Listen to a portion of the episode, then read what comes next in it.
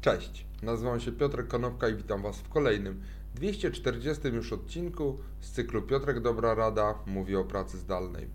Dzisiaj powiem kilka słów na temat sposobów zapobiegania zachowaniom przemocowym w trakcie pracy zdalnej.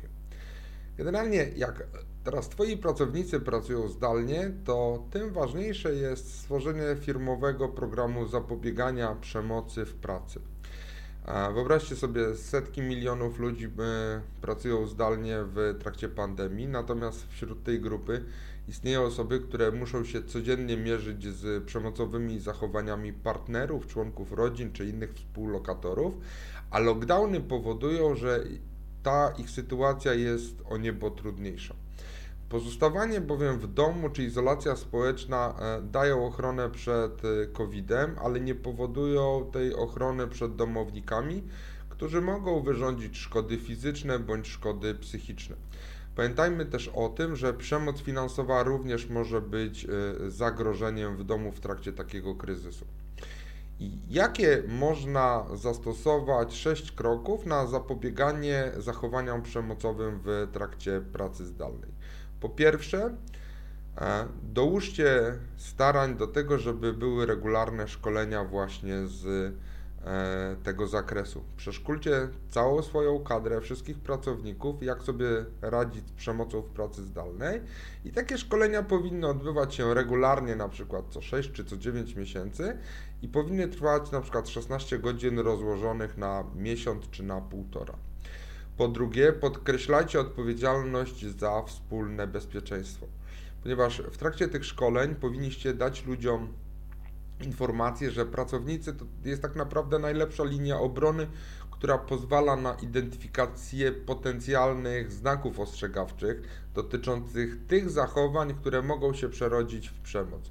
W trakcie pracy zdalnej, ponieważ pracownicy budują na nowo swoje sieci społeczne na poziomie prywatnym i zawodowym z każdym swoich kolegów i w trakcie tego procesu mogą dostrzec potencjalne zagrożenia, mogą dostrzec to, że ich koleżanka bądź ich kolega doświadcza zachowań przemocowych i wszyscy w firmie powinni wiedzieć, że mogą takie zdarzenia zaraportować i że to zgłoszenie zostanie dyskretnie i profesjonalnie obsłużone trakcie tych szkoleń wyjaśnijcie również, jakie kanały mogą e, zostać użyte do informowania.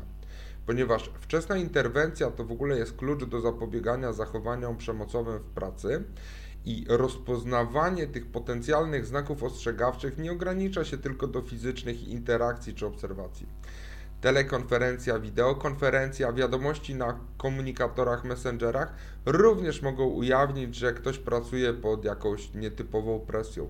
Ustalcie na przykład numer telefonu do zgłaszania anonimowo takich zdarzeń. Jako czwarte, wyjaśnijcie jak raportować. Upewnijcie się, że wasi pracownicy rozumieją, jak zaangażować swój departament HR, swoje służby bezpieczeństwa, czy jakikolwiek inny dział w Twojej firmie, który obsługuje właśnie program przeciwdziałania przemocy w pracy. Podkreślajcie wagę zgłoszenia także podczas pracy zdalnej, pracy z domu. Pracownicy nie powinni bowiem czekać e, ze zgłoszeniami na powrót do biura. Oczywiście mogą się obawiać e, zachowań odwetowych bądź być e, sceptycznymi co do efektywności takiego programu w pracy zdalnej, natomiast te szkolenia i to podkreślanie wagi zgłoszenia powinno temu zapobiec. Jako szóste, wyjaśnijcie, że ochrona miejsca pracy to jest, e, czy ochrona miejsca pracy przed zachowaniami przemocowymi, to ten program jest związany z dbałością o pracownika, a nie z karaniem. E, i wyjaśnijcie, podkreślcie, że macie zasoby do dbania o tych pracowników zarówno stacjonarnie, jak i zdalnie. Czasami bowiem te zachowania przemocowe mają związek z, ze stresem wynikającym np. z zadłużenia, rozwodu, przemocy domowej, nad, nadużywania substancji odurzających bądź nieleczonych chorób psychicznych.